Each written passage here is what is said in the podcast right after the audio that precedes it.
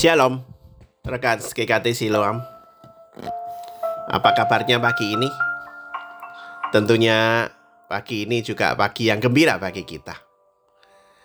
Mari kita sebelum melakukan aktivitas kita, kita berdoa sejenak dan kita merenungkan bagian firman Tuhan.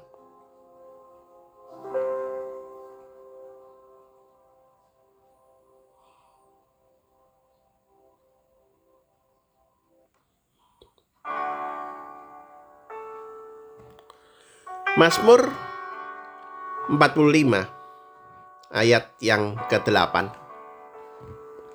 Engkau mencintai keadilan dan membenci kefasikan. Sebab itu Allah, Allahmu telah mengurapi engkau dengan minyak sebagai tanda kesukaan melebihi teman-teman sekutumu. Rekan-rekan sekalian, ada seorang anak bersama dengan ayahnya berjalan-jalan bermobil. Nah, satu saat melewati depan penjara. Dan ayahnya mengatakan, "Lihat, itu penjara. Itu dindingnya tinggi. Ada pagarnya lagi. Orang susah untuk keluar dari tempat itu kecuali lewat pintu. Apa yang menjadi pikiranmu kalau ada di dalam penjara itu? Si anak mengatakan, tidak enak di sana. Di sana tempatnya orang yang bersalah dan masuk di dalam penjara. Itu tidak enak. Kemudian dikatakan bagaimana kalau orang itu bersalah? Tapi belum ketahuan salahnya. Apakah orang itu sukacita? Apakah orang itu senang?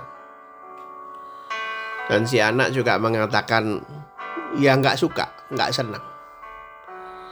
Tiap orang yang melakukan satu kesalahan pasti merasa bersalah, dan dia tidak suka.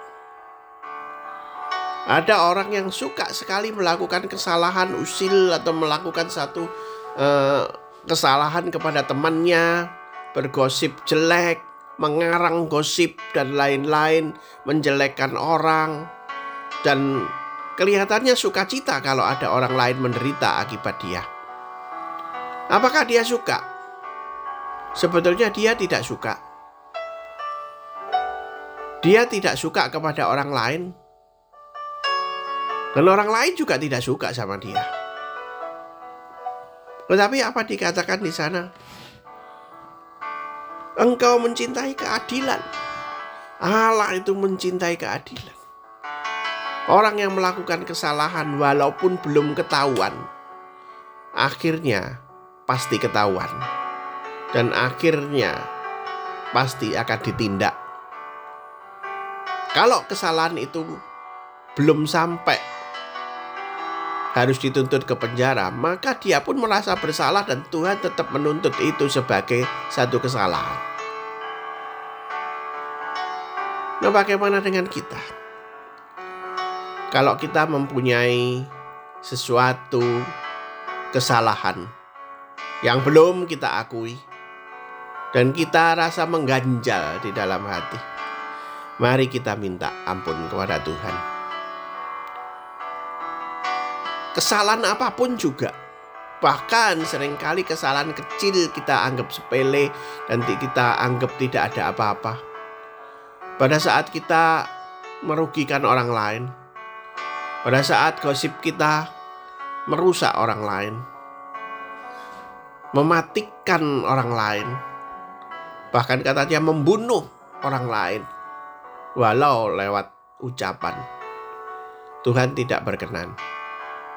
Tetapi pada saat kita menguatkan orang lain, menghibur orang lain, ada kesukaan, sukacita yang melebihi teman sekutumu menurut Mazmur 45 ayat 8 tadi. Mari kita melakukannya. Kalau kita bersalah, mari kita minta ampun. Dia itu setia dan adil, dia pasti mengampuni. Tetapi kalau kita tidak bersalah, kita akan merasakan sukacita, kesukaan melebihi teman-teman sekutumu. Mari, mari kita melakukannya. Tuhan itu adil. Kalau kita bersalah dan kita tidak ketahuan bersalah sampai akhir nanti, pasti keadilan Tuhan akan membereskan sesudah kita keluar dari dunia ini. Mari kita bertindak adil. Mari kita bertindak baik. Mari kita berkata baik.